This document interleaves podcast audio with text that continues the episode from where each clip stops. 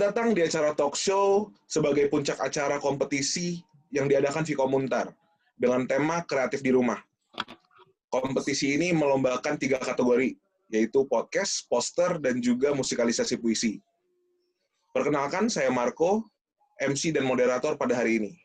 Oke, biar kita makin asik nih, kita bakal dengerin kata sambutan dari Wakil Dekan Fakultas Ilmu Komunikasi Universitas Tarumanegara, Pak Yugi Setianto MSI. Silakan Pak Yugi. Baik, terima kasih. Eh, selamat petang. Izinkan saya mewakili Fakultas Ilmu Komunikasi untuk mengucapkan uh, terima kasih kepada seluruh peserta yang telah berpartisipasi di ajang kompetisi kreatif di rumah yang diselenggarakan Vkom Untar bagi siswa-siswa SMA atau yang sederajat. Memang ajang ini dibuat untuk memberi wadah bagi siswa-siswa SMA untuk berkreasi, terlebih dalam situasi pandemi di mana ruang gerak kita juga dibatasi oleh protokol kesehatan yang harus kita patuhi uh, Pikom Untar perlu memberi kontribusi pada penyaluran kreativitas bagi generasi muda terlebih di saat di mana era kreativitas dan uh, penguasaan teknologi menjadi kunci dari keberhasilan dalam memenangkan persaingan. Uh, kami senang juga bahwa pesertanya ini juga berasal dari berbagai daerah di Indonesia, jadi nggak jadi dari Jakarta, tapi juga ada dari Padang, Makassar, Sidoarjo, Palu, uh, Kupang. Uh, secara khusus saya berterima kasih kepada dan penghargaan kepada para juri, Mas Kendra Paramita, Mas Klasia Kiki, Mas Aji Prakoso, dan juri dari Vkom, Mas Genep Sukendro, Mas Digar Padrianto, Mas Farid. Sekali lagi kami ucapkan terima kasih kepada seluruh peserta, para juri, dan juga selamat kepada para pemenang yang akan nanti diumumkan oleh panitia. Sekian dan terima kasih. Terima kasih Pak Yugi atas kata sambutannya. Nah, biar makin seru nih teman-teman, kita bakal kenalan dulu dengan enam juri lomba. Yang pertama ada Mas Kendra Paramita, desainer dan ilustrator senior majalah Tempo sejak tahun 2004, bekerja sejak menyelesaikan studi di Institut Kesenian Jakarta. Ilustrasinya untuk Tempo edisi Sengkarut Jembatan Selat Sunda yang dirilis Agustus 2012 dan investigasi Sindikat Manusia Perahu yang rilis Juni 2012 berhasil meraih penghargaan untuk sampul majalah terbaik se-Asia versi World Association of Newspaper and News Publisher di tahun 2013. Halo Kak. Halo Mas Marco. Gimana kabarnya nih Kak? Baik. Masih ngurusin ya. Tempo nih, ilustrasi Tempo. Iya dong. Oke, Oke deh Kak, lanjut aja kita. Ada Mas Nigar Pandrianto, dosen Vkom Untar penikmat cerita pendek dan puisi yang selalu berantusias mendengarkan radio, siaran radio gelombang pendek. Dan sedang membuat kumpulan cerita pendek dan menambah koleksi radio. Halo Mas Nigar. Halo, selamat sore. Gimana kabarnya sehat? Baik, sehat. Terima Lagi kasih. sibuk ngapain? Sekarang gimana, Mas? Uh, persiapan untuk uh, perkuliahan tahun ajaran baru. Oke, siap. Berikutnya kita langsung kenalan ke Mbak Clara Siakiki, dosen Faculty of Liberal Arts Universitas Pelita Harapan, penggiat sastra dan penulis puisi yang tergabung dalam Waktu Jeda, yakni trio yang gemar membawa puisi ke dalam bentuk pertunjukan langsung di atas panggung. Halo Mbak Kiki. Halo Marco. Nah, ini namanya keren juga ya Faculty of Liberal Arts. Ngapain aja tuh Kak? Pada dasarnya ya liberal arts itu kumpulan dari uh, mata kuliah yang sekiranya akan membuat manusia ini lebih manusiawi. Keren juga ya bahasanya. Ada ada filsafat, agama, kewarganegaraan, bahasa dan lain sebagainya. Oke deh Mbak. Hmm. Sekarang kita bakal kenalan sama yang namanya Mas Gregorius Genep Sukendro, dosen Vikomuntar yang lahir di Yogyakarta pensiun dari industri kreatif iklan, penulis buku komik grafis Pancasila, saat ini sedang mempersiapkan terbit buku antologi puisi. Halo Mas, di manakah Mas Genap ini? Halo. Halo. Marco. Ini buku antologinya bakal keluar kapan nih Mas, kira-kira? Ini saya sama salah satunya juri juga di sini. Eh, oh, siapa? Ya, moga-moga September udah terbit. Siap ditunggu Yeay. loh, Mas. Yeay. Berikutnya kita bakal kenalan sama juri yang dulu ternyata alumni Vkom Untar juga nih. Mas Aji Prakoso, ex-producer dan head of programming motion radio. Saat Yes. ini ia aktif siaran podcast Bro and Bro dan radiologi. Halo Mas Yes. Aji. Halo. Oke. Semuanya. Halo Mas. Gimana nih podcastnya lancar-lancar aja kan ya? Eh, Alhamdulillah eh, udah tiga bulan ini yang dengar udah tiga tiga aja. Oh tiga aja dikit ya. Iya iya. iya. Oh banyak juga. Yang penting kan duitnya. Yang dengerin siapa keluarga Mas? Eh, kebetulan teman-teman sendiri. Oh tiga doang ya. Iya iya. Oke. Berikutnya ada Mas Farid Rusdi, dosen Vkom Untar dengan pengalaman 10 tahun lebih di menjadi jurnalis untuk radio swasta di Jakarta dan menjadi wartawan di Istana Kepresidenan di masa Presiden Gus Dur, Megawati dan SBY. Selama di dunia radio lebih banyak menghasilkan karya jurnalistik baik laporan langsung dan dalam bentuk feature. Halo Mas Farid, mana nih? Mas Farid suaranya nih. Halo, halo. Ya, Halo Mas. halo Marco. Oke, ini keren banget nih. Bi- Hmm. eh, pernah jadi wartawan Istana Kepresidenan. Itu gimana tuh ceritanya, Mas? Ya, begitulah aja banyak uh, liputan dekat dengan apa ya istilahnya ring satu ya, yang melihat Oh. peristiwa langsung berbagai macam yang terjadi dengan orang nomor satu di Indonesia ya, ya Wih. pengalaman yang luar biasa ya. Tapi yang saya sangat uh, apa ya, sulit dilupakan juga. Tapi uh, menjadi orang radio itu ya uh, menyampaikan media yang hanya suara itu juga suatu keistimewaan tersendiri juga. gitu. Oke, thank you loh Mas Farid. Nah, kita udah kenal nih sama 66 jurinya nih. Biar lebih enak lagi ngobrol-ngobrolnya, kita akan abadikan dulu nih foto-fotonya nih ya. Kita akan foto bersama dulu. Pertamanya kita akan foto bersama Pak Yugi. Pak Yugi, boleh. Pak Yugi dengan narasumber. Oke, eh, kamera ini udah siap ya? Oke, satu, dua, tiga. Ya, sekali lagi. Satu, dua, tiga. Ya. Dan sekarang kita akan foto bersama seluruh panitia. Boleh di yang belum menyalakan. Ya, halo. Ya. Halo panitia-panitia. Oke, satu, dua, tiga. Ya, sekali lagi. Satu, dua, tiga. Ya, oke deh. Terima kasih panitia. Nah, kan dari yang kita lihat sendiri, udah banyak karya yang dikirim nih juri-juri nih, atau, eh, Mas dan Mbak ya. Banyak banget, ada podcast, ada poster, dan juga musikalisasi puisi. Saya mau nanya nih, eh, nanya-nanya seputar karya-karya nih. Mau nanya dong ke Mas Kendra dan mungkin Mas Nigar nih. Di zaman yang, kan sekarang teknologi semakin berkembang nih, dan juga banyak media yang berganti format seperti poster yang kita tahu sekarang yang dulu bentuknya mungkin cuman kertas yang ditempel di mana-mana sekarang jadi lebih digital dan bisa maksudnya bisa ke internet. Pokoknya nggak ada bentuknya sekarang. Nah yang aku mau tanya tuh apa sih esensi pot, eh, poster nih? Kenapa bisa eh, masih digemari? Padahal ya otomatis yang masih banyak media lain yang bagus. Apa sih kelebihan yang poster tuh menurut Mas Kendra dan Mas Nigar nih. Boleh coba Mas Nigar dulu mungkin? Iya, bu- buat saya memang eh, ini kan perubahan medium saja begitu ya dari cetak, print gitu ya ke Hmm. media digital. Tapi memang eh, ada masing-masing ada kelebihannya. Mungkin kalau dulu poster ditempel di jalan begitu ya, orang bisa dia lalu lalang lihat. Tapi sekarang memang poster dibuat jadi lebih intim. Kenapa? Karena orang biasanya melihatnya di media sosial misalnya ya, kira-kira gitu. Tapi memang ada esensi-esensi yang tidak bisa di apa ditinggalkan begitu saja dari pembuatan sebuah poster gitu ya. Message-nya harus eh, dibuat baik, terutama visualnya karena bagaimanapun poster itu basicnya eh, paling tidak visual, dia bisa menarik perhatian mata begitu ya. Eh, sehingga tetap dibaca orang. Kira-kira itu ya. Jadi kalau dari ternyata dari media cetak ke media digital buat saya itu perubahan mediumnya saja, tapi esensi posternya sendiri masih tetap saya kira ya. As a faktor visual dan tentu saja tekstual gitu, Marco.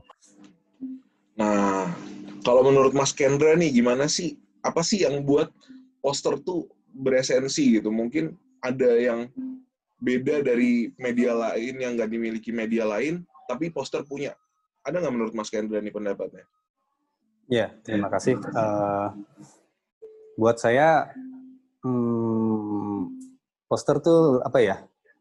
Kalau dibandingkan dengan media lain tuh sebenarnya lebih ke saya lebih ke kerjasama ya, kolaborasinya ya gitu ya. Jadi semua punya peranan dan fungsi masing-masing dan itu berbeda, gitu. nggak bisa disamakan.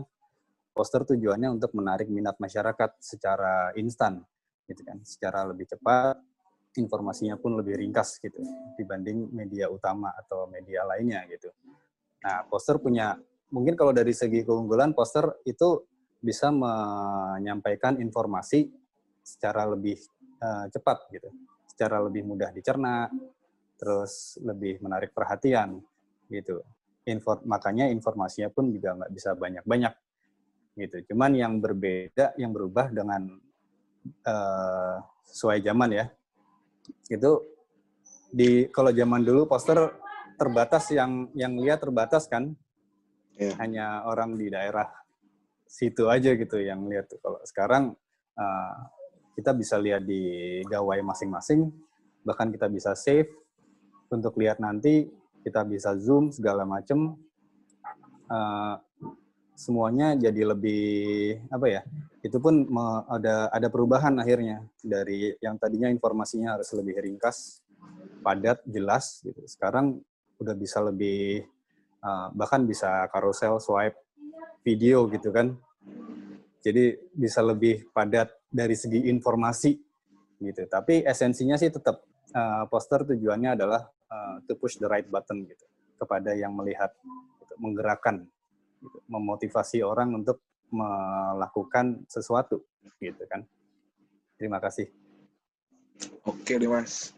Nah dari uh, yang tadi saya tangkap kalau misalnya untuk uh, intinya poster tuh harus menarik harus bisa uh, bikin pembaca atau bikin targetnya tuh suka.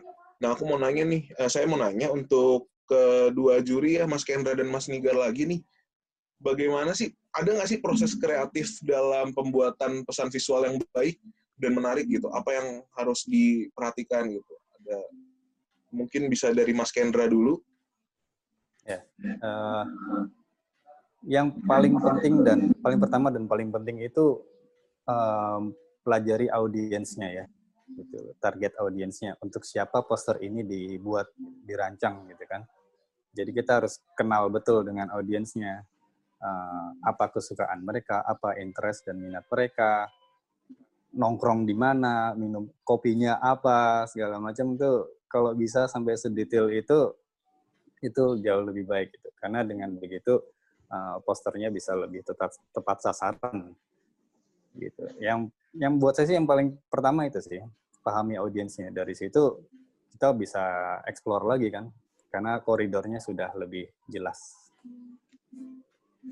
Men kalau menurut Mas Nigar nih gimana?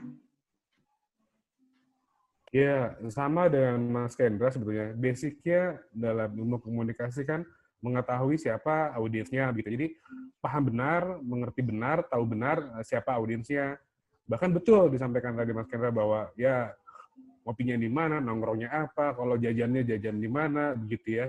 Pulang sekolah, anak-anak sekolah misalnya pulang sekolah uh, mainnya ke mana begitu ya itu dipahami sejauh itu uh, memahami audiens kemudian ya memang ketika membuat poster ketika mengeksekusi posternya ya dari teksnya dari visualnya juga memang harus sesuai dengan dengan uh, dengan apa dengan audiensnya jadi itu yang paling basic yang paling mendasar yang paling elementer mengenai uh, apa mengenai pembuatan sebuah poster gitu Marco. Hmm. Oke deh Mas, thank you banget. Terima kasih buat ini, uh, buat jawabannya. Sekarang kita mau kepo lagi ke lomba yang lagi menjamur juga di ini masyarakat, di kalangan milenials tentunya dan generasi generasi sekarang lah ya. mau nanya dong ke Mas Farid dan Mas Aji.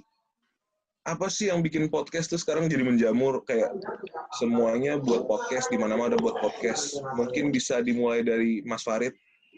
Oh iya. Eh, jadi podcast ini eh, menjamurnya mungkin kurang lebih sejak eh, 2018 ya, mulai banyak apalagi adanya aplikasi Spotify ya.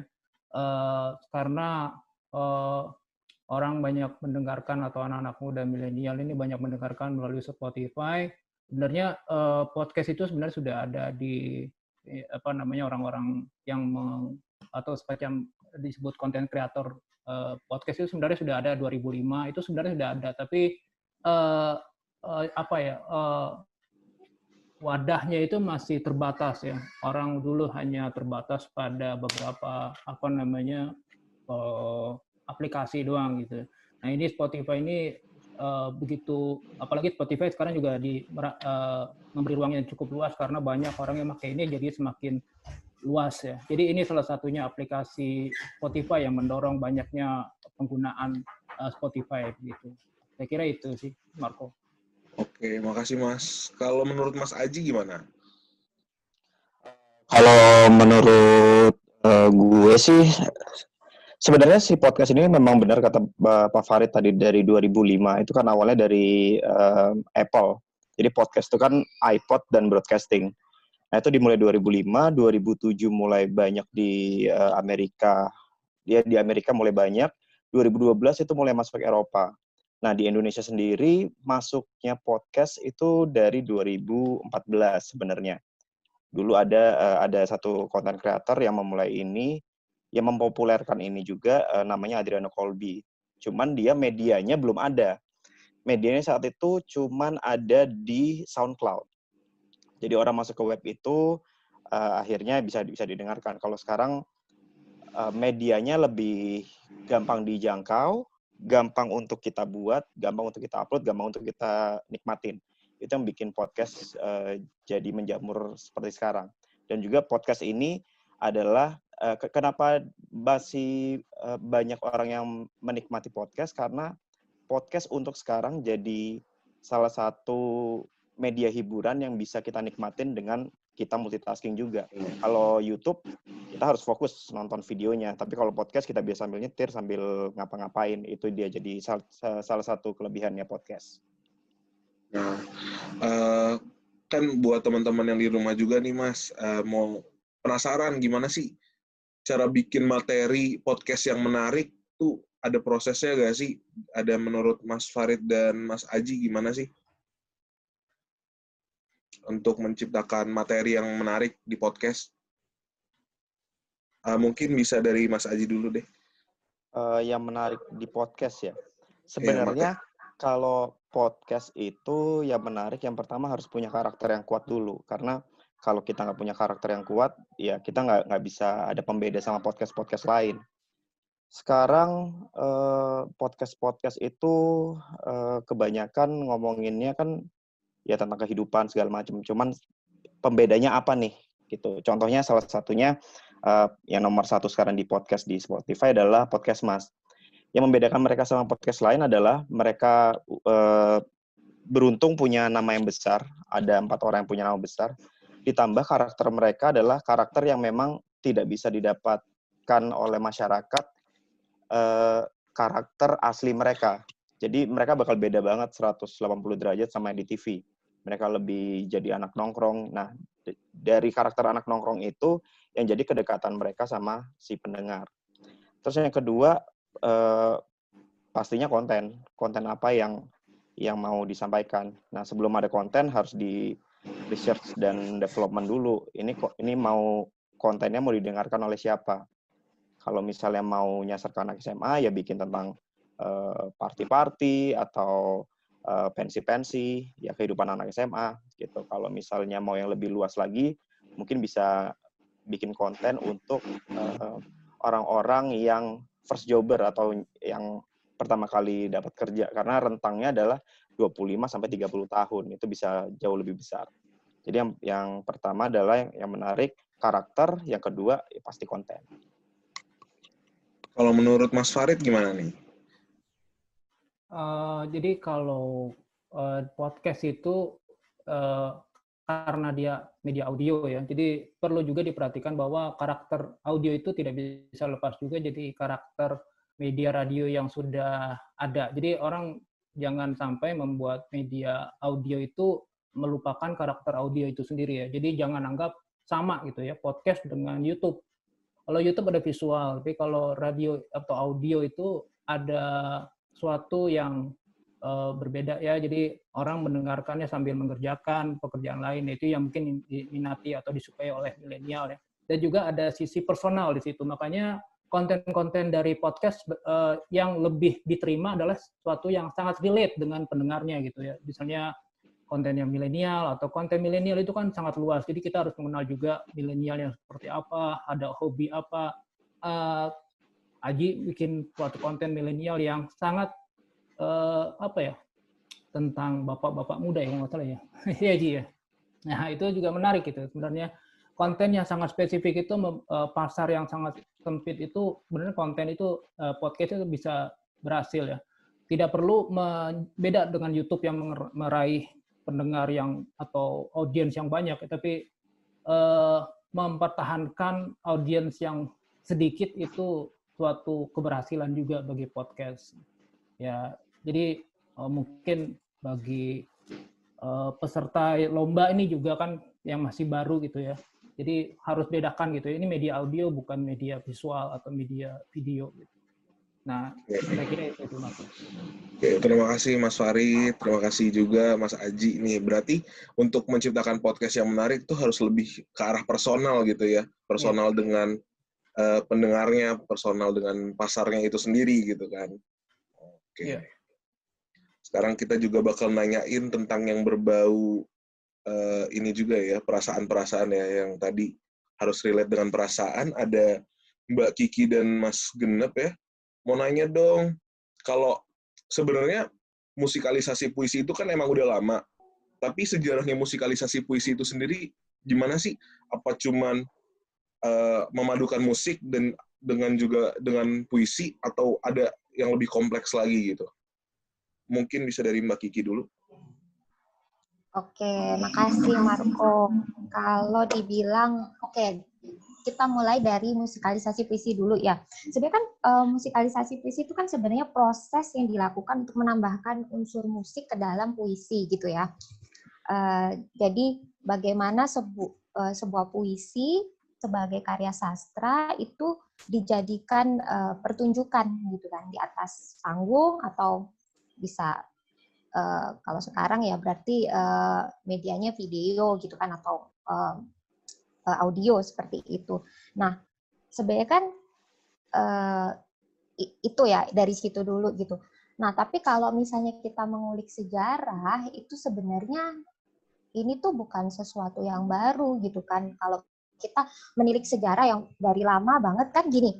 Uh, jadi dulunya tuh seni itu tidak mengenal pengkotak-kotakan. Jadi uh, Eh, semuanya tuh jadi satu gitu. Jadi dalam tradisi kita misalnya uh, sastra kita dulu kan sebenarnya berawal dari mantra ya kan bunyi-bunyian yang berunsur magis gitu kan dan biasanya uh, mantra itu di apa ya dinyanyikan gitu kan uh, ada musiknya musik-musik tradisionalnya gitu kan apakah kendang dari kulit kambing atau apalah ya gitu terus kadang bahkan ada tariannya jadi zaman dulu itu memang uh, seni itu uh, tidak dikategorikan gitu jadi satu gitu kan dalam sebuah pertunjukan berkolaborasi memang gitu.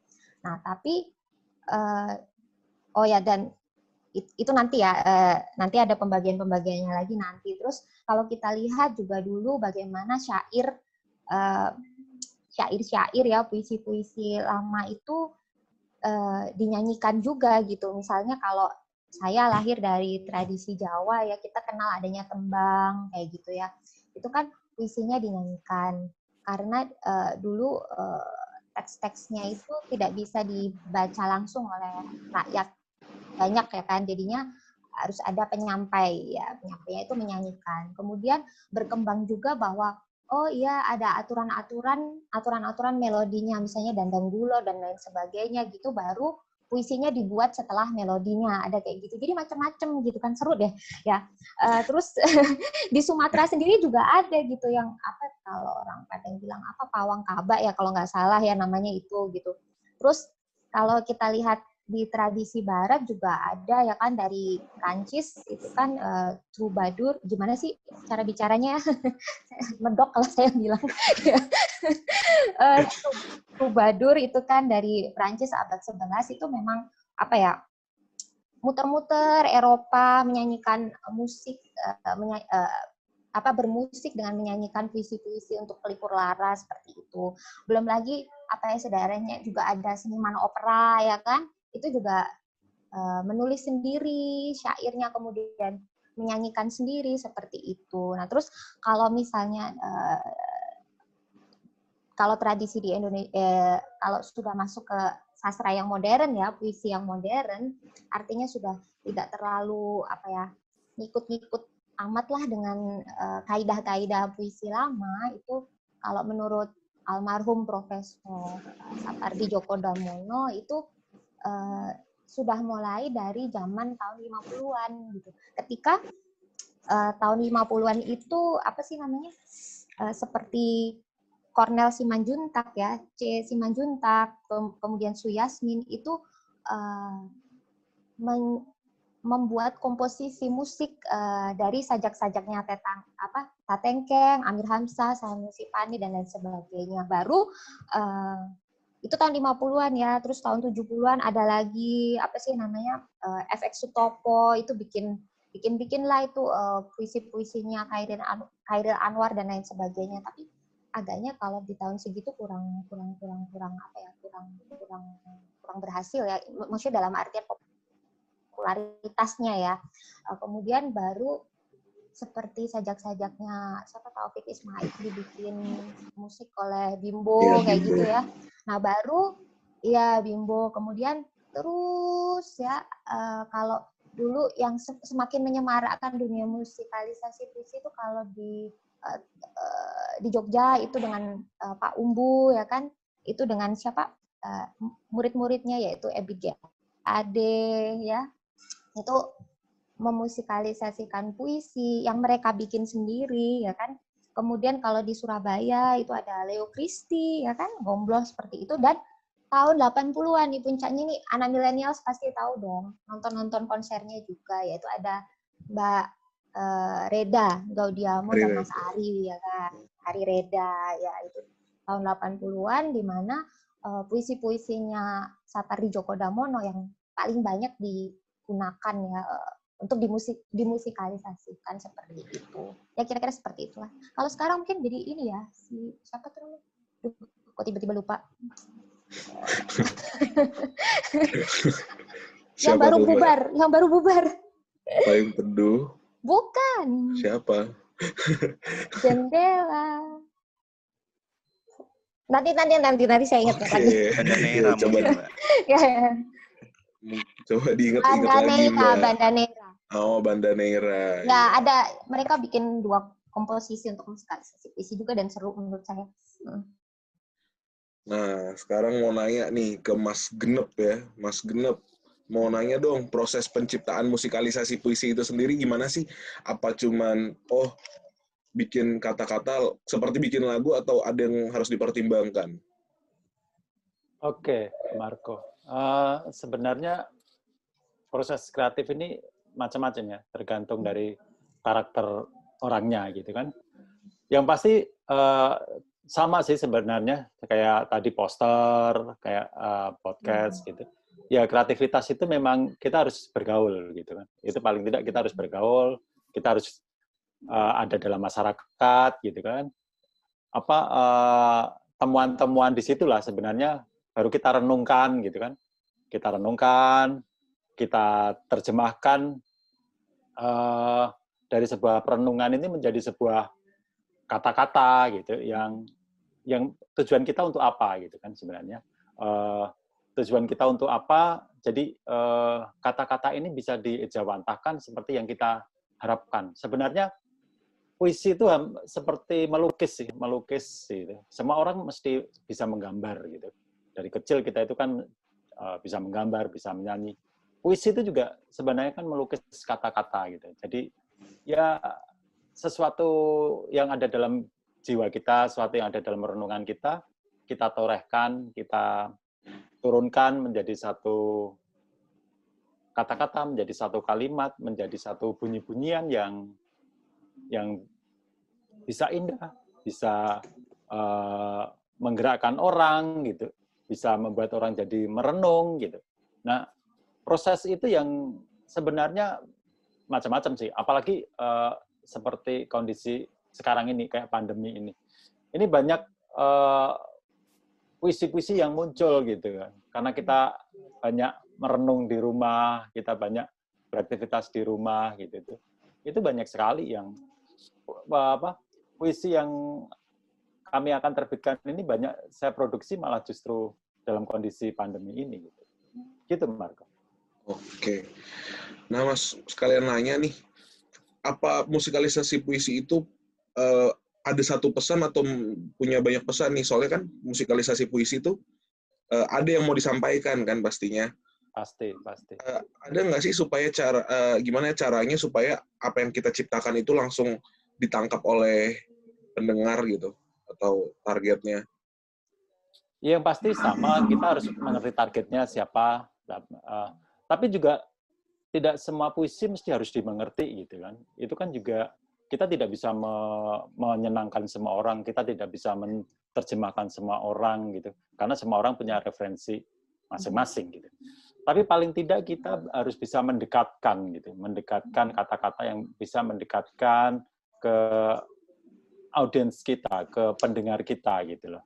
Itu yang yang harus dilakukan. Tapi uh, misalnya si musikalisasi ini mengambil dari puisi uh, orang lain gitu. Nah kita harus tahu karakter puisinya gitu. Karakter puisinya, karakter sang penciptanya itu seperti apa? Itu juga harus dipelajari gitu. Nah supaya kita nanti cara menyampaikannya lebih lebih relevan, lebih dekat dengan uh, si orang yang akan mendengarkan musikalisasi kita ini.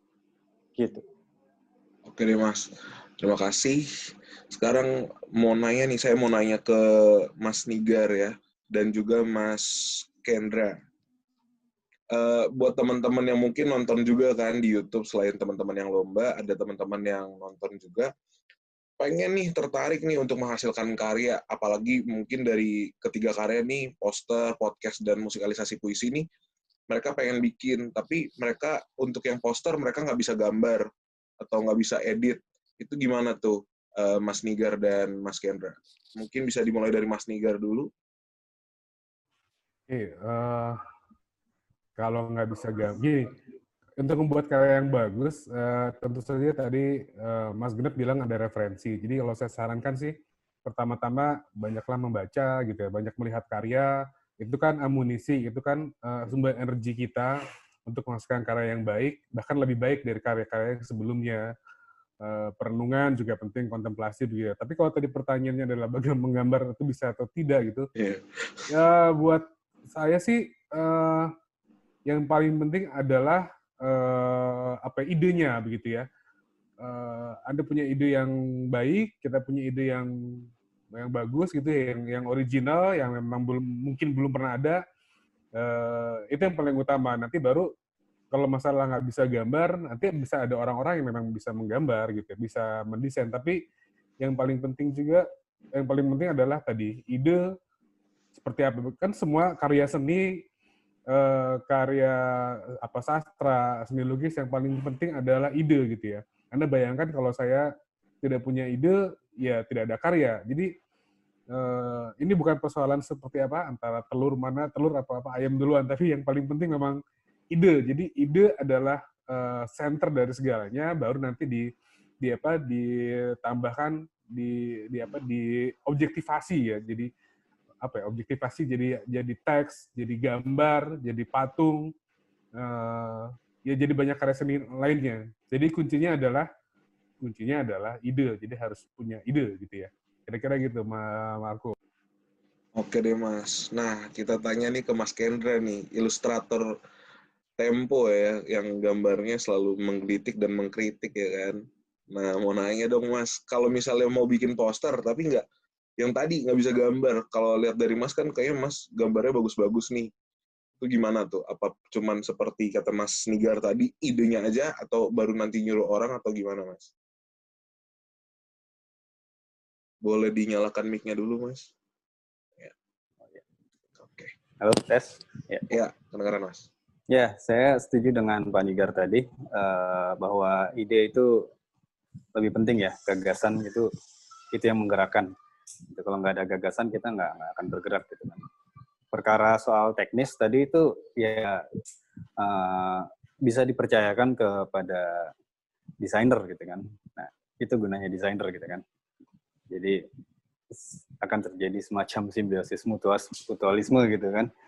Gitu kita punya ide tapi uh, bingung me, me, merealisasikannya ya nggak apa-apa. Hire a designer gitu kan bisa. Gitu. tapi kalaupun uh, kepepet misalnya nggak nggak nggak nggak nggak nggak menemukan desainer yang tepat gitu ya uh, kembali lagi tadi kita bisa mulai dari referensi perbanyak referensi. Tapi sebelum ke referensi kita harus tentukan dulu tadi batasan-batasannya dulu nih poster untuk siapa terus uh, apa namanya untuk dilihat oleh siapa, terus uh, informasi yang mau disampaikan apa saja, gitu kan. Jadi dengan memilah lebih dulu informasinya, uh, itu akan sangat mempermudah gitu loh. Jadi ibaratnya kalau membangun rumah tuh kita tentukan dulu layoutnya kan, uh, kamar di mana, dapur di mana, segala macam gitu. Nanti Eh, membangun ke atasnya lebih mudah gitu. Jadi fondasinya itu penting sih. Asal kita tahu apa yang mau kita sampaikan, itu akan tercipta sendiri nanti ruang lingkupnya. Jadi sejauh mana sih uh, sebuah poster tuh bisa di apa sebuah informasi bisa diaplikasikan kepada poster. Gitu. Itu sih yang penting menurut saya. Oke deh mas. Berarti yang penting ide teknisnya nanti bisa bisa nanti aja gitu ya mas. Yang penting kita udah punya fondasi kuat tentang ide-idenya apa yang mau disampaikan gitu aja ya mas ya. Ya. Yeah. nah mau nanya juga nih pertanyaannya sama seperti yang poster tadi. Untuk mas Farid dan mas Aji ada banyak anak mungkin anak-anak muda remaja gitu mau menjadi apa mungkin mau masuk ke dalam dunia penyiaran tapi dimulai dari podcast nih tapi takut untuk memulai. Uh, ada nggak sih, mungkin biar kita kasih tahu aja gitu, tantangannya jadi podcaster apa, dan apa sih yang harus mendukung kemampuan podcast ini gitu, podcasting ini. Mungkin dari Mas Aji sendiri ya. Uh, kalau dari gue sih, sebenarnya buat jadi podcaster yang baik, uh, ada baiknya kita punya skill uh, broadcasting yang baik gitu. Uh, banyak banget sekarang podcaster uh, isinya adalah orang-orang yang memang penyiar radio gitu. Uh, hitunglah dari sampai 20 besar pun itu banyak diisi sama orang-orang radio. Tapi semua itu bisa belajar, semua itu butuh uh, bisa bisa proses. Jadi semakin banyak ngobrol, semakin kita pede, ya akan semakin baik gitu. Dan uh, untuk podcast sendiri itu kan nggak cuma sebenarnya nggak cuma di Spotify sebenarnya ada beberapa kolam lagi.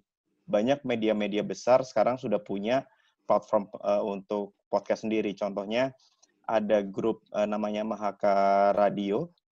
Mahaka uh, itu yang punya Erick Thohir. Ada grupnya Jack FM Gen FM terus ada uh, Mustang juga di situ mereka punya satu platform namanya Noise. Nah, di dalam Noise itu ada banyak banget kategori eh, podcast.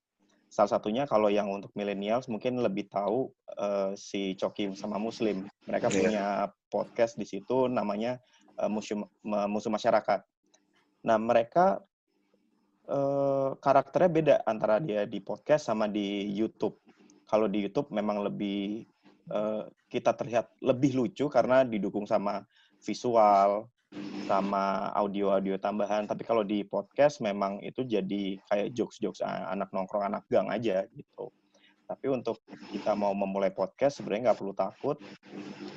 Yang penting audionya enak dan pembawaannya enak. Menurut gue udah cukup.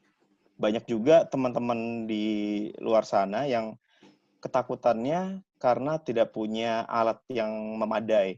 Itu kalau misalnya saran gue sih, kalau untuk alat sebenarnya handphone aja udah cukup. Tapi handphone yang kayak gimana kan? Yang setidaknya secara audio itu standar. Kalau saran gue dan ini juga saran dari ada uh, head of podcast uh, dari Spotify regional Asia Tenggara namanya Mas Emil dia bilang kalau mau bikin podcast dari handphone, minimal handphonenya adalah iPhone. iPhone 5, iPhone 5 eh, ke atas itu udah cukup. Kenapa? Karena di iPhone sendiri itu punya hardware khusus di dalam handphonenya, chip khusus untuk audio prosesor. Jadi kita mau rekam audionya itu standar untuk broadcasting. Itu yang bikin iPhone mahal, bro. Akhirnya kita tahu jawabannya. Hardware-nya mahal, gitu dan baik lagi semuanya balik ke konten uh, balik ke ya tujuan si si podcast ini untuk siapa? Itu dia. Oke. Nah uh, Mas Farid mau nanya dong. Kan Mas ini udah lama di dunia penyiaran radio juga ya? Hmm. uh, mungkin orang-orang masih yang di luar dan mungkin kita juga belum tahu nih apa sih ada nggak sih perbedaannya radio sama podcast itu sendiri? Atau mungkin uh, misalnya kelebihannya podcast yang dibanding radio tuh apa kayak gitu. Mungkin bisa dikasih ya uh, kalau radio, radio itu ya kita mendengarkannya secara live. Jadi kontennya pasti ada kebaruan. Tapi kalau podcast itu uh, kita mendengarkannya kan uh, tidak kadang uh, live gitu ya. Tapi kadang juga itu kita rekaman yang mungkin sebulan lalu atau seminggu lalu. Jadi sangat mungkin atau rentan itu kontennya basi gitu ya. Kontennya basi gitu ya. Ah, nah ini uh, perlu diperhatikan juga pada saat kita membuat konten gitu. Makanya membuat konten itu uh, atau podcast itu harus perhatikan juga uh, ya mungkin ada misalnya kemarin misalnya ada hari kemerdekaan atau apa itu bisa menjadi uh, ide kreatif juga dalam agar kontennya tetap bisa didengarkan. Nah, uh, uh, kalau podcast ya kelebihannya kita bisa mendengarkan kapan pun itu yang membuat uh, milenial itu menyenangkan apa menyenangi hal-hal seperti ini gitu ya. Jadi tidak mengganggu apa aktivitas mereka mereka bisa mendengarkan hari ini nanti bisa dilanjutkan nanti gitu ya rekamannya. Nah berbicara tentang tadi uh, membuat podcast ini mungkin kepada milenial ide-idenya ini satu kendala juga jadi mau bikin podcast apa ya kontennya tentang apa ya. Nah hal-hal yang sederhana sebenarnya bisa kita buat dalam podcast ya. Uh, asal kita punya concern terhadap topik itu ya. Kalau kita lihat di Spotify kan ratingnya macam-macam ya. Ada di poin di 10 besar misalnya ada salah satunya ada yang bikin konten tentang cerita horor, puisi atau uh, ada yang tentang suatu yang personal. Uh, asal kita menguasai topik itu, kita me, uh, bukan menjadi seorang apa ya, kita jangan menjadi pengamat politik yang tidak kita kuasai, jangan jadi so tahu, tapi bisa kita orang mendengarkan itu menjadi uh, apa menjadi tahu kita kita membuat podcast itu minimal bisa membuat orang itu ke arah yang positif itu yang menjadi hal yang baik gitu. Nah, okay. saya kira itu. Makasih Mas Farid nih. Berikutnya mau nanya lagi dong sama Mbak Kiki dan Mas Genap. Uh, mau nanya, uh, di kan kita mungkin musikalisasi puisi itu udah dari lama dan mungkin uh, mungkin lama-lama bisa didengar sama generasi-generasi sekarang kan atau bisa dibilang uh, gimana ya anak-anak uh, yang sekarang mungkin jadi tertarik dengan musikalisasi puisi itu sendiri. Tapi uh, musikalisasi puisi itu bisa nggak sih bertahan uh, untuk waktu yang lama gitu di sementara kan era-era mungkin kebarat-baratan udah makin ada dan ini kan menjadi tradisi kita juga musikalisasi puisi itu sendiri kan. Ada nggak sih cara mempertahankan musikalisasi puisi itu sendiri? Uh, mungkin uh, dari Mbak Kiki dulu Oh, saya dulu terus. Gak apa-apa, okay. kan. okay. Ladies first. Oh, oh gitu ya. Yeah. Oke. Okay. Uh, kalau bagi saya, saya sendiri dengan teman-teman di waktu jeda ya. Uh, waktu itu kami memulai dari 2016 di ajang apa tuh namanya ASEAN Literary Festival ya. Uh, uh, dari situ kami tuh berpikir bahwa ini musikalisasi puisi ini bakal seru banget nih ya. Apa sih namanya? Di di di apa ya? Didengarkan oleh anak-anak sekarang. Itu kalau uh, kita pintar-pintar milih puisinya. Uh, pintar-pintar milih puisinya. Apa sih namanya? Mana sih yang menarik untuk dimusikalisasikan gitu? Terus jangan ter apa ya? Kalau kalau saya dan teman-teman sih yang dikit-dikit galau dikit-dikit galau gitu kan. Kalau kalau nonton apa sih namanya pertunjukan musikalisasi puisi itu kan kebanyakan gitu kan. Semuanya kok jadi galau sih gitu kan. Padahal kan sama seperti karya seni lainnya gitu kan. Puisi itu kan macam-macam ya kan. Banyak uh, feelings banyak suasana banyak ide atau gagasan yang uh, ada di sana di dalam karya itu. Jadi nggak melulu galau gitu loh. Gitu. Ada yang ada yang ada yang penuh semangat gitu kan bergembira dan segala macam. Nah itu kalau dibawakan itu enak banget gitu kayak kayak uh, sekarang kita juga bisa seru uh, milih misalnya uh, puisinya Khairil Anwar pun yang sudah yeah. lama pun juga masih bisa uh, relevan dengan sekarang gitu kan. Atau kita um, milih puisi-puisinya uh, uh, siapa namanya Joko Pinurbo gitu kan.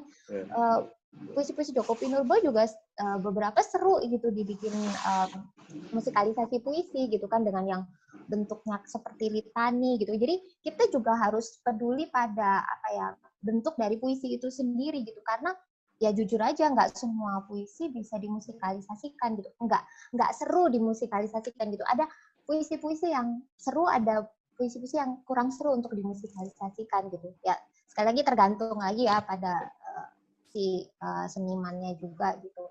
Dan saya pikir uh, uh, kami berpikir ya waktu ini pasti akan terus ada pendengarnya gitu kan. Ya misalnya aja kayak uh, buktinya ketika kami dari panggung ke panggung gitu uh, pendengar kami tuh banyak kan anak muda gitu kaum milenial juga terus anak anak SMP, anak-anak SMA itu seru banget rasanya. Tapi jadi kangen ya, kangen panggung. ya. Tapi ini, ini seru banget loh. Ini ada lomba ini, saya jadi mikir, iya ya, ini sekarang uh, sudah tidak terbatas pada panggung lagi gitu. Buktinya ini anak-anak yang pada ikut lomba ini bisa berkarya dan bagus-bagus gitu kan melalui format audio dan juga ada yang video gitu. Jadi gitulah. kalau menurut Mas Genep nih, gimana pendapatnya tentang pertanyaan tadi? Uh, selama manusia masih galau gitu, selama manusia masih bucin gitu, ini akan selalu ada uh, musikalisasi puisi akan selalu hadir dan selama ada manusia, ada bunyi-bunyian, ada musik, ada kata-kata, tidak akan pernah lekang, tidak akan pernah musnah gitu lah. Karena itulah bentuk pengaktualisasi diri gitu sebenarnya. Pengakuan diri gitu, keberadaan dirinya itu ya ada puisi, ada musik gitu. Nah, itu berkolaborasi dan itu akan terus selama zaman ini ada ya terus akan ada. Jadi tidak akan pernah musnah. Dan terbukti dengan adanya lomba ini itu dan saya lihat bagus-bagus gitu, itu juga menunjukkan bahwa generasi sekarang gitu tetap kok memproduksi, tetap menciptakan uh, musikalisasi. Gitu. Itu sih Marco. Oke mas, sekalian mau nanya nih mas, kalau dari pandangan komunikasi, ilmu komunikasinya tuh gimana sih musikalisasi puisi itu mas? Dari pandangan komunikasi. Iya. uh, musikalisasi itu kan menyentuh perasaan gitu kan. Ya, menyentuh perasaan dari manusia gitu. Mengembangkan imajinasi, memotivasi di, diri gitu. Membuat hati senang gitu kan, menghibur. Itu kan bagian dari semua apa uh, elemen komunikasi gitu. Iya. Nah, uh, musikalisasi puisi ya sangat sangat eh, relevan, sangat dekat dengan konteks komunikasi. Karena karena uh, sang kreatornya, sang sang penyampainya itu sedang mengkomunikasikan mengkomunikasikan sebuah gambaran gitu, sebuah sebuah ide besar, sebuah perenungan gitu kepada publik, kepada masyarakat gitu. Gitu. Oke. Uh, jadi berarti berarti sangat berkaitan banget dengan ilmu komunikasi. Sa ya? Sangat, sangat berkaitan karena itu bagian dari uh, penyampaian, apa bagian dari mengeluarkan satu satu rasa gitu dan rasa itu adalah komunikasi. Rasa komunikasi adalah kemanusiaan gitu. Jadi ya sangat relevan. Nah, sekalian mau nanya buat Mas Farid, kalau yang tadi pandangannya tentang podcast di ilmu komunikasi itu gimana? Mungkin bisa mic-nya dinyalain dulu, Mas. Ya, ya. Uh, dari hal dilihat dari komunikasi ya. Jadi uh, saat ini ya kalau dari uh, orang uh, dari sisi media massa gitu ya. Jadi milenial itu uh, sudah ya ini media baru orang sudah menikmati media itu dengan caranya tersendiri melalui podcast gitu ya atau media yang lain. Nah, podcast ini uh, menjadi peluang juga bagi industri media dalam memasarkan atau ya me, menye, uh, ruang untuk iklan atau memasarkan mempromosikan produknya gitu ya. Jadi uh, podcast ini uh, ya Spotify sendiri sudah merasakan ada benefit dari banyaknya nyata pasar eh, pengguna apa eh, penikmat Spotify itu sangat besar karena milenial ini generasi yang penikmat media baru gitu media yang ya di podcast ini. Walaupun radio masih ada tapi podcast menjadi suatu yang secara ter, mengenalkan kembali bagaimana media audio ya. Karena selama ini orang uh, atau uh, generasi lebih mengenal media televisi gitu ya yang hanya visual dan audio. Tapi sekarang orang lebih memahami lagi bagaimana nikmatnya media audio. Saya kira itu sih. Oke. Okay. kalau menurut Mas Nigar gimana? Uh, pandangannya tentang poster dari ilmu komunikasi itu sendiri? Ya Betul bahwa uh, kaitannya sangat erat gitu. Karena apa? Karena di dalam ilmu komunikasi kan kita belajar merumuskan pesan, membungkus pesan begitu ya, mempelajari audiens gitu, ya. mengerti kita sendiri yang ingin membuat uh, merumuskan pesan begitu ya, komunikatornya. Uh, bahkan sebetulnya bukan hanya ilmu komunikasi, tapi banyak ilmu-ilmu lain yang ada di sana begitu ya. Kalau sosiologi masyarakat sosiologi juga begitu ya dalam perspektif komunikasi tadi eh, memahami pesan, memahami orang lain, memahami audiens, memahami apa, memahami diri sendiri ya sebagai komunikator eh, siapa kitanya juga harus dipahami. Dan yang tentu saja karena tadi poster ya ada ilmu-ilmu lain yang harus dipahami gitu ya. Ya ada visual ya ada ilmu mengenai warna begitu ya tentang masyarakat gitu ya. Jadi memang eh, sebuah karya memang yang sering kita kelupaan sangat kompleks begitu ya. Kira-kira itu uh, Marco yang bisa saya sampaikan. Oke. Sebelumnya terima kasih uh, terima kasih nih buat Mas-mas dan Mbak-mbak juri ya, Mas Mbak. Terima kasih buat juri-juri yang udah saya tanya-tanyain. Uh, jawabannya menarik-menarik semoga uh, semua. Semoga teman-teman yang nonton juga ngerti apa aja sih esensi dan juga apa aja maksud dari uh, tiga kategori lomba ini, poster, podcast, dan juga musikalisasi puisi itu sendiri. Nah, langsung aja nih, biar teman-teman nggak makin penasaran. Apa aja sih karya yang udah masuk, seperti apa aja sih, seperti apa yang udah masuk, seperti apa bentuknya, mungkin saingan-saingannya bisa dilihat ya teman-teman. Seperti yang tadi Pak Yugih bilang, itu uh, udah banyak banget yang masuk dan dari seluruh Indonesia ya, dari dari Kupang, dari Bandung, dari Padang. Boleh deh langsung kita lihat aja.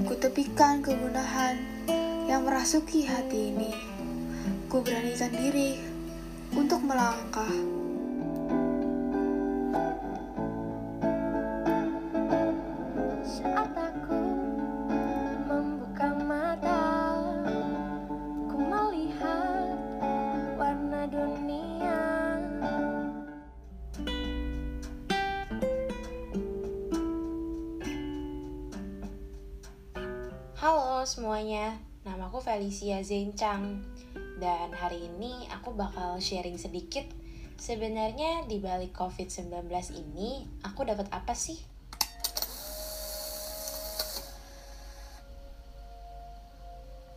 Hai, nama gue Naila.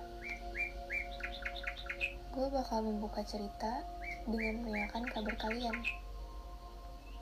Untuk lo semua yang lagi denger ini, lo apa kabar? Gue harap kan semua baik-baik aja.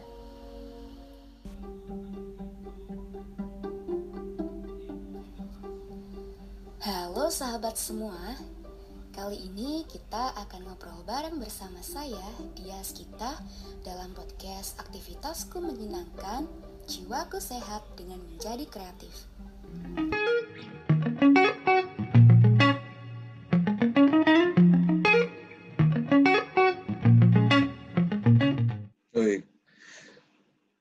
Itu contohnya aja ya teman-teman, bukan berarti yang ditunjukin tadi menang. Jadi eh, sebagian besar karena yang ngumpulin tuh ratusan teman-teman. Jadi kita cuma bisa ngasih segelintir aja. Tapi tetap ya, pemenangnya kita kasih tahu. Dan karya-karyanya tadi sih bagus-bagus juga. Eh, Kalau jadi juri sih saya pasti bingung. Eh, mungkin bisa ditanya nih ke Mas Farid, gimana sih tadi eh, apa karya-karyanya boleh dikasih tahu nggak sih karya yang masuk tuh seperti apa? Secara umum eh, peserta yang ikut dalam eh, lomba ini sudah cukup eh, menunjukkan ap- apa ya walaupun mereka peserta pertama kali atau ada yang beberapa di antaranya yang baru pertama kali membuat podcast tapi pesan yang dibuat itu sudah jelas ya sudah cukup baik sudah memberikan bagaimana apa apa melewati masa pandemi ini di rumah aja gitu ya. Kreatif di rumah itu seperti apa bagaimana melewatinya. Jadi pesan-pesannya sudah cukup jelas eh, dan mereka menyampaikannya dengan cara-cara kreatif audionya dengan musik ataupun bumper in dan outnya juga sudah cukup bagus. Pemilihan musik latarnya juga cukup menarik. Tapi eh, mungkin karena baru pertama kali mereka ada juga yang pemilihan eh, musik latarnya kadang terlalu besar jadi menutup apa eh, overlapping atau suaranya jadi suara yang penyiarnya jadi agak terlalu kecil gitu ya. Eh, tapi secara umum eh, mereka sudah cukup baik. Mungkin ada beberapa di antara mereka yang saya merasakan ada yang sudah cukup baik gitu ya eh, dalam artikulasi dalam penyampaiannya dan eh, mungkin ada beberapa di antara mereka yang mungkin sudah eh, cukup eh, pernah membuat podcast juga gitu saya kira itu Mas. Oke, makasih Mas. Hmm. Kalau Mas Nigar gimana? Iya, kalau karya-karya cukup banyak yang saya coba eh, apa perhatikan begitu ya. Eh, saya lihat, saya amati begitu ya. Ya banyak karya-karya yang buat saya mengejutkan gitu ya. Karena apa? Karena secara visual itu banyak karya-karya yang yang saya yang sudah apa? Yang kelihatannya sudah sudah sangat memahami desain gitu ya. Memahami apa? eh, memahami komposisi, memahami warna begitu ya, memahami pentingnya, eh, memahami apa, memahami tata letak teks dan gambar begitu ya. Eh, ya itu cukup nggak cukup mengejutkan. Eh, sejumlah karya memang saya pikir ini kayak sudah sudah pro begitu ya. Eh, ya saya senang dengan karya-karya yang yang yang masuk begitu.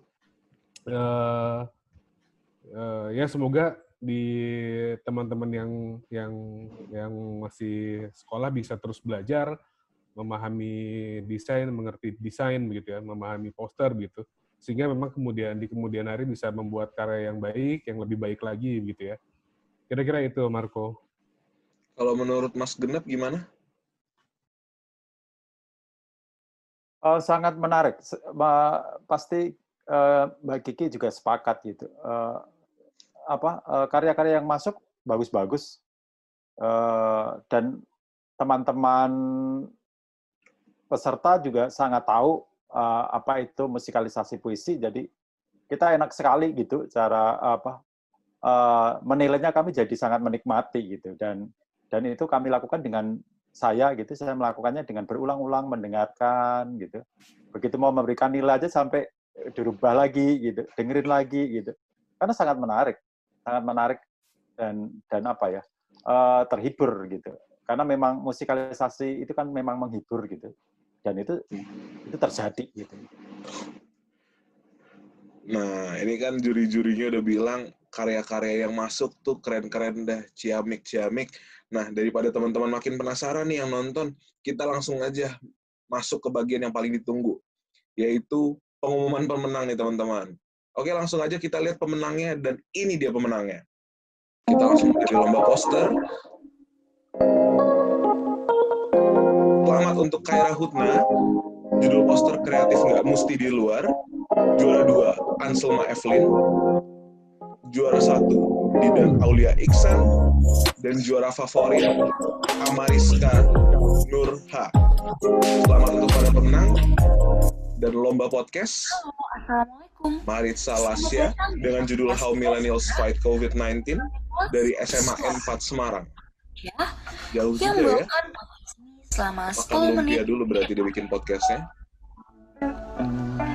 Selamat untuk Maritza dan juara dua ada Francesca Talia dengan judul biasa Jaga Kesehatan Fisik dan Mental Saat Pandemi Doanya dari ya. SMAK Penabur Kota Jababeka. Kali ini aku pengen ngomongin Lembut ya suaranya ya. menjaga kesehatan fisik dan mental saat kita di rumah aja. Selamat buat Francesca dan juara satu jatuh kepada Felicia Zain Chang dengan judul di balik Halo COVID-19 semuanya, dari Zain 4 Penabur Dan hari ini Jakarta. aku bakal sharing sedikit. Sebenarnya di balik COVID-19 ini, aku dapat apa sih? Halo Sobat Apa ya? Selamat datang di podcast Creative Talks, Creative Juara favoritnya jatuh kepada Immanuel Ezra Prawira dengan judul Kegiatanmu, Masa Depanmu dari SMAN 39 Jakarta. Yang katanya alma maternya salah satu dosen di Vkom Untar ya. Dan lomba musikalisasi puisi. Juara tiga jatuh kepada Claribel Halim dengan judul Belati Pengoyak Semesta dari SMA Bunda Hati Kudus. Berarti ngambil hadiahnya gampang ya, dekat Untar soalnya. Pagi yang menghangatkan jiwa ini. Pantes Mas Genep demen dengerinnya ya. Juara dua. Selamat untuk Bintang Marcella dengan judul Tiada Patah Asa dari Seman 19 Bandung. Jauh juga ya Bandung, udah mulai jauh-jauh nih ya. Tempatnya Pidi baik. Dan juara satu, selamat untuk Masmur Brian dengan judul Rindu yang dibungkam dari SM dari sekolah Dian Harapan Kupang. Jauh sekali dari Kupang ya. Selamat untuk Masmur. Dan juara favorit, selamat untuk Olivia Aurel pandemi. S. Oleh Dengan judul Olivia Aku Aurel Kala Pandemi. SMA K4 Penabur Jakarta. Kala itu Ternyata SMAK banyak yang daftar juga ya, yang ngumpulin had- eh, ininya. Selamat untuk semua pemenang yang kalah, yang mungkin belum dapat hadiah, tenang aja, masih ada lain hari. Nah, sekarang saya mau nanya nih kepada Mbak Clara, Mbak Kiki, Mas Aji, dan Mas Kendra. Pendapatnya review singkat, eh, kenapa pemenangnya itu, kenapa pemenangnya, kenapa bisa mereka yang jadi juaranya? Mungkin menurut menurut Mbak Kiki gimana nih hasil-hasil yang tadi udah menang gitu? Gimana sih? Oke, jadi kalau uh, yang menang ini menurut Dewan Juri, menurut saya dan Mas Genep ya, tentunya adalah mereka ini peserta-peserta uh, yang mengikuti ketentuan. Pertama itu yang mengikuti ketentuan dari panitia. Uh, dari segi orisinalitas ya dan juga pemilihan puisi berbahasa Indonesia karena kami juga menemukan ada beberapa karya yang tidak uh, menggunakan komposisi musik sendiri gitu. Jadi menggunakan lagu orang lain seperti itu. Jadi itu tidak bisa seperti itu ya. Jadi kalau yang ini sudah pasti ini original.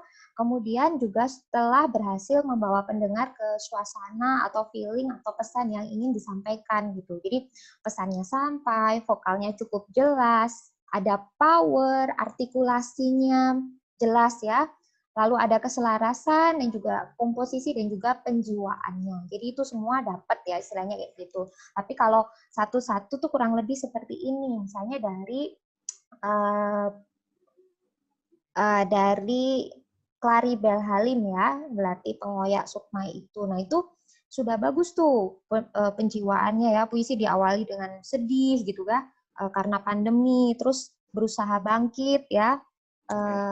tapi tekanan tempo warnanya kurang menggugah tuh untuk bangkit. Nah, itu mungkin itu sebagai ruang uh, untuk bertumbuh ya itu nanti bisa diperhatikan ya. Jadi konsistensinya gitu ya. Uh, terus penggunaan chord pada musik sudah variatif. Terus ada pause juga dalam pembacaan puisi itu keren ya. Cuman mungkin uh, di bagian agak-agak belakang tuh vokalnya agak kurang jelas ya. Mungkin ini kualitas recording juga sih ya, mungkin yang berpengaruh seperti itu. Tapi puisinya bagus loh. Puisinya tuh sudah bilang begini maksudnya begitu beneran hmm. puisi ya jadi dapat ya gitu terus yang juara dua itu tiada patah asa ya e, dari bintang ya dari Bandung tadi itu e, bagus ya ada videonya terus gaya-gayanya pop ya lirik lagunya pop gitu ya e, pas aja gitu ya pas ya enak gitu ya ya walaupun ada ya gitarnya fals sedikit lah di bagian belakang-belakang tapi minus ya eh apa eh, minor ya nggak nggak terlalu berpengaruh seperti itu. Lalu yang uh, juara satu yang tadi siapa Mas Mur Brian ya? Mas Mur ya. yang dibungkam ya dari Kupang ini. Uh, puisinya bagus ya. Uh, mungkin pembacaannya bisa di apa di lebih uh, penghayatan lagi, lebih greget lagi ya kan uh, untuk ke depannya ya. Eh, mungkin dengan penekanan kepada beberapa bagian gitu. Musiknya tuh sangat support ya, sangat mendukung pembacaan puisi. Mungkin temponya kurang stabil ya, tapi vokalnya bagus ya. Vokalnya bagus ya dari awal sampai akhir. Gitu sih. Keren-keren. Saya pikir uh, ini bagus ya buat anak-anak SMA terus berkarya ya. Uh, jangan lupa banyak latihan, banyak baca puisi dan juga banyak menonton uh, lebih banyak pertunjukan musikalisasi visi lagi gitu. Nonton atau dengar ya. Oke, Mbak. Nah, kalau menurut Mas Kendra gimana nih, Mas? Keseluruhannya. Ya. Yeah. Uh, Oke. Okay. Kalau keseluruhan posternya bagus-bagus ya. Uh, udah apa ya? Kelihatan sekali penguasaan skill uh, software mereka Oke, sekarang uh, mungkin bisa kita ulas. Oke, mulai dari juara tiga. Oke, boleh diulang uh, juara tiga. Ya, Khaira Hudna. Oke. Iya, posternya uh, ini salah satu visual favorit saya nih. Gambarnya bagus, tone warnanya saya suka sekali ya. Itu. Uh,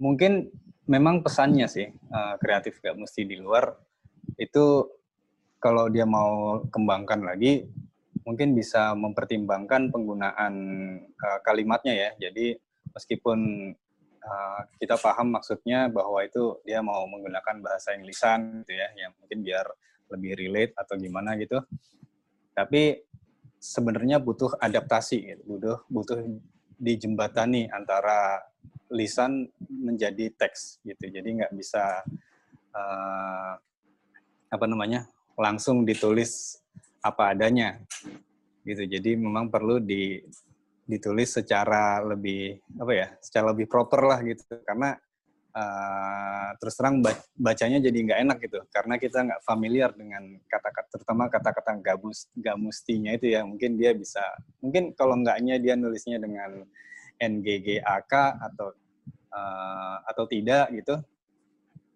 mungkin akan lebih mudah dipahami gitu ya.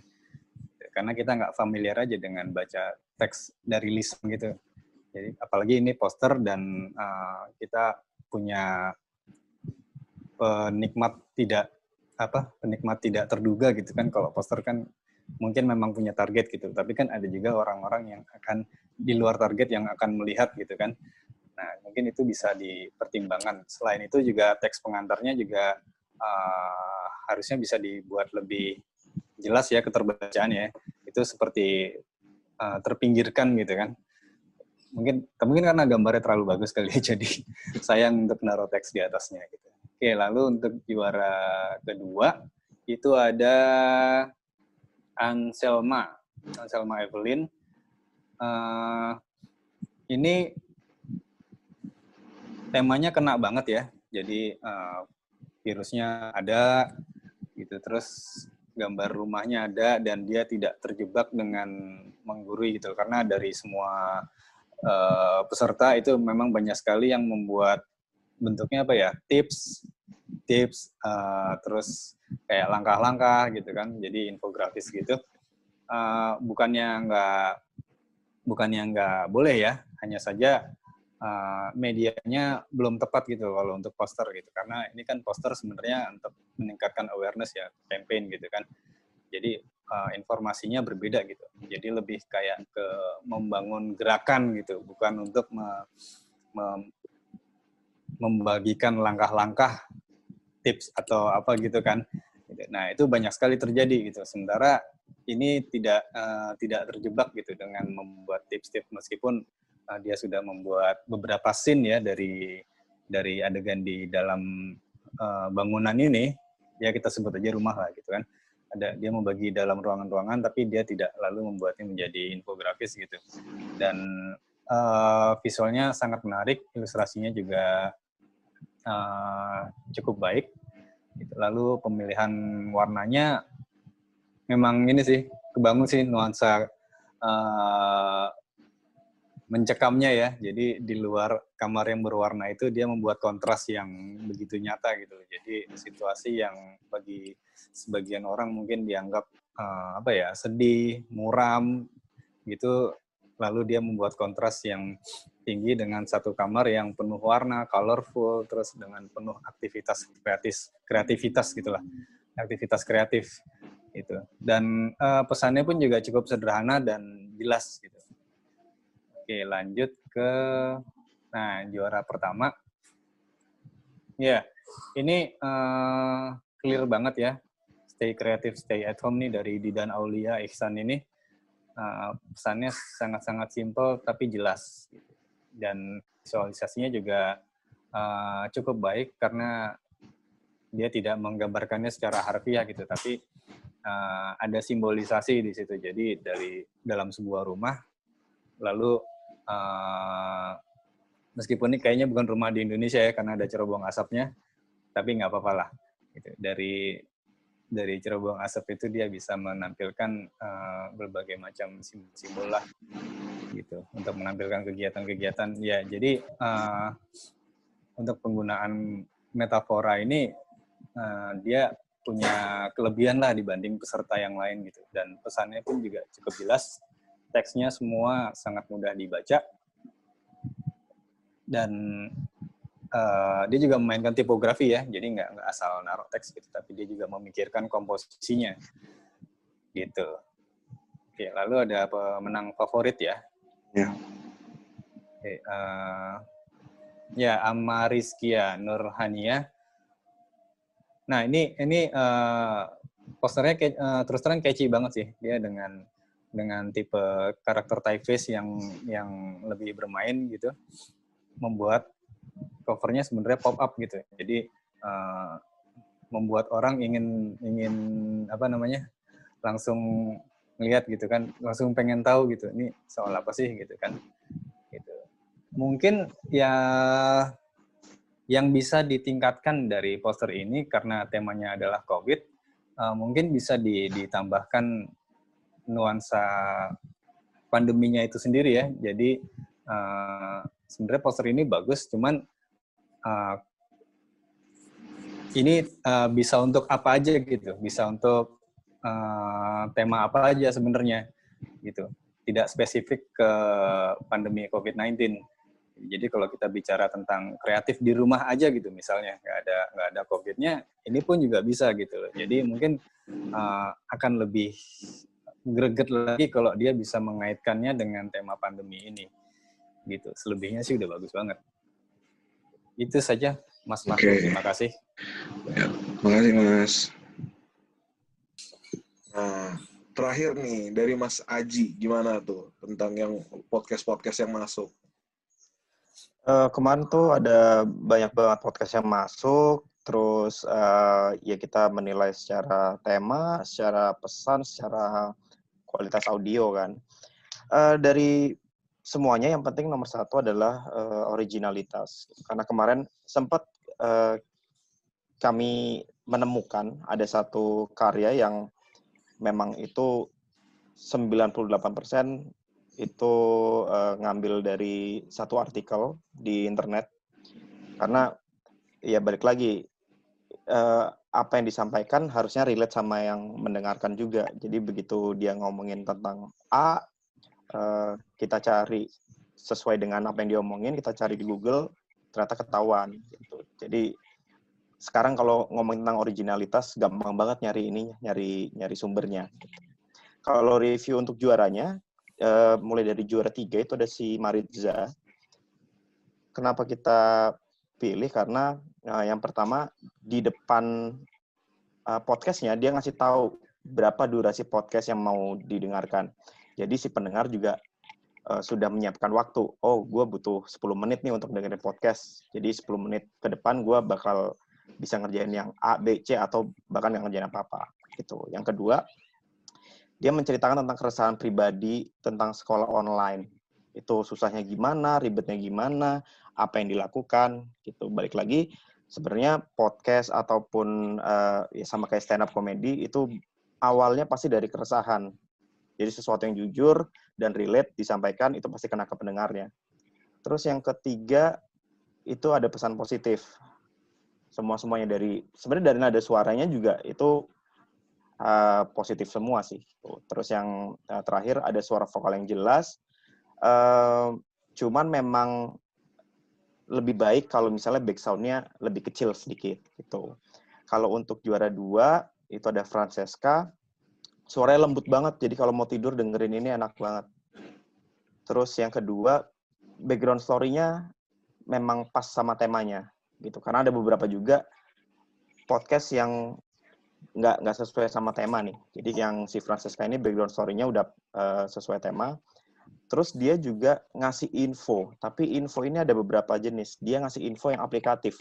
Contohnya, dia ngasih info tentang berjemur di atas jam 10. Itu kan info yang memang kita tahu, tapi apakah dijalankan sama orang itu belum tentu. Tapi bisa dijalankan, itu info yang aplikatif. Bisa langsung dipraktekkan. Itu. Terus juara satunya ada Felicia. Uh, Felicia ini yang pertama artikulasinya jelas banget. A, I, U, E, O-nya jelas. Terus yang kedua ceritanya sangat-sangat relate sama keadaan kita, bahkan yang tidak seumuran pun sangat relate.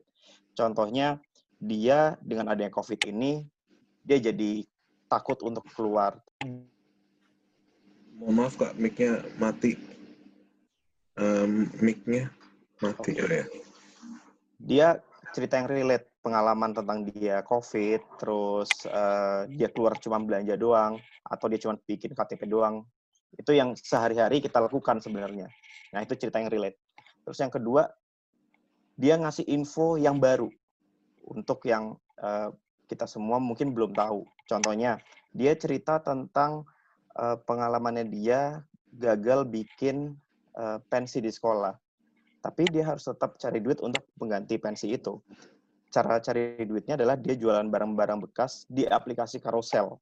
dia ngasih tahu step-stepnya gimana uh, kita bisa jualan di karosel apa yang bisa dijual, bagaimana cara menjualnya, berapa profit yang bisa didapat. Itu info yang baru. Penyampaiannya enak banget, terus dan yang paling penting adalah kita dengerin si Felicia ini berasa ditemenin. Gitu. Terus berikutnya dia ngasih pesan-pesan protokol kesehatan kayak uh, dia ngasih dia nanya udah pakai masker, udah pakai hand sanitizer itu kecil tapi impact-nya besar. Terus ya cerita tentang keresahan pribadi dan dengan semua yang sudah dia uh, yang sudah kita nilai itu jadinya durasi dia yang sebenarnya lama 15 menit itu jadi nggak berasa. Jadi itu nilai plusnya si Felicia kenapa juara. Dan Felicia ini ternyata memang udah punya podcast dia.